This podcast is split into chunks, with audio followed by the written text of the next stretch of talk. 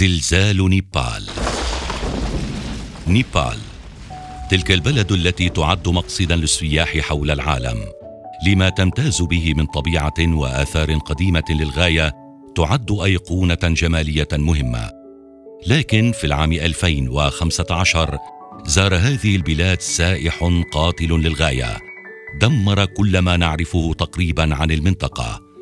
إنه زلزال نيبال المدمر.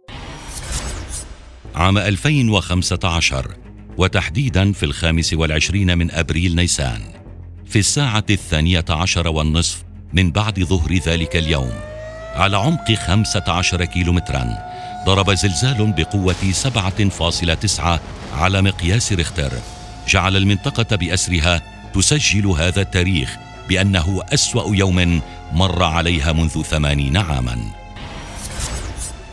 ولأشرح لك قوة ما جرى. فقد شعر سكان نيودلهي في الهند بهذا الحدث. هذه الهزة لم تكن وحيدة ابدا. فقد تبعها هزات ارتدادية أخرى بقوة 6.7 درجات.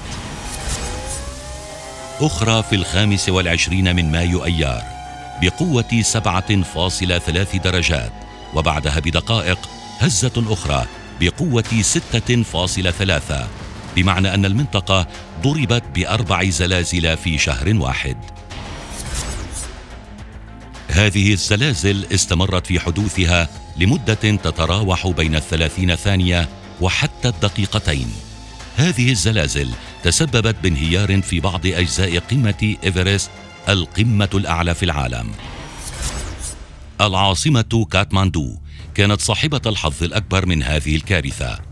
فانهارت فيها الكثير من المباني منها معبد كاتماتيب وبرج دراهارا التاريخي واللذان أدرجا في قائمة اليونسكو للتراث الثقافي العالمي.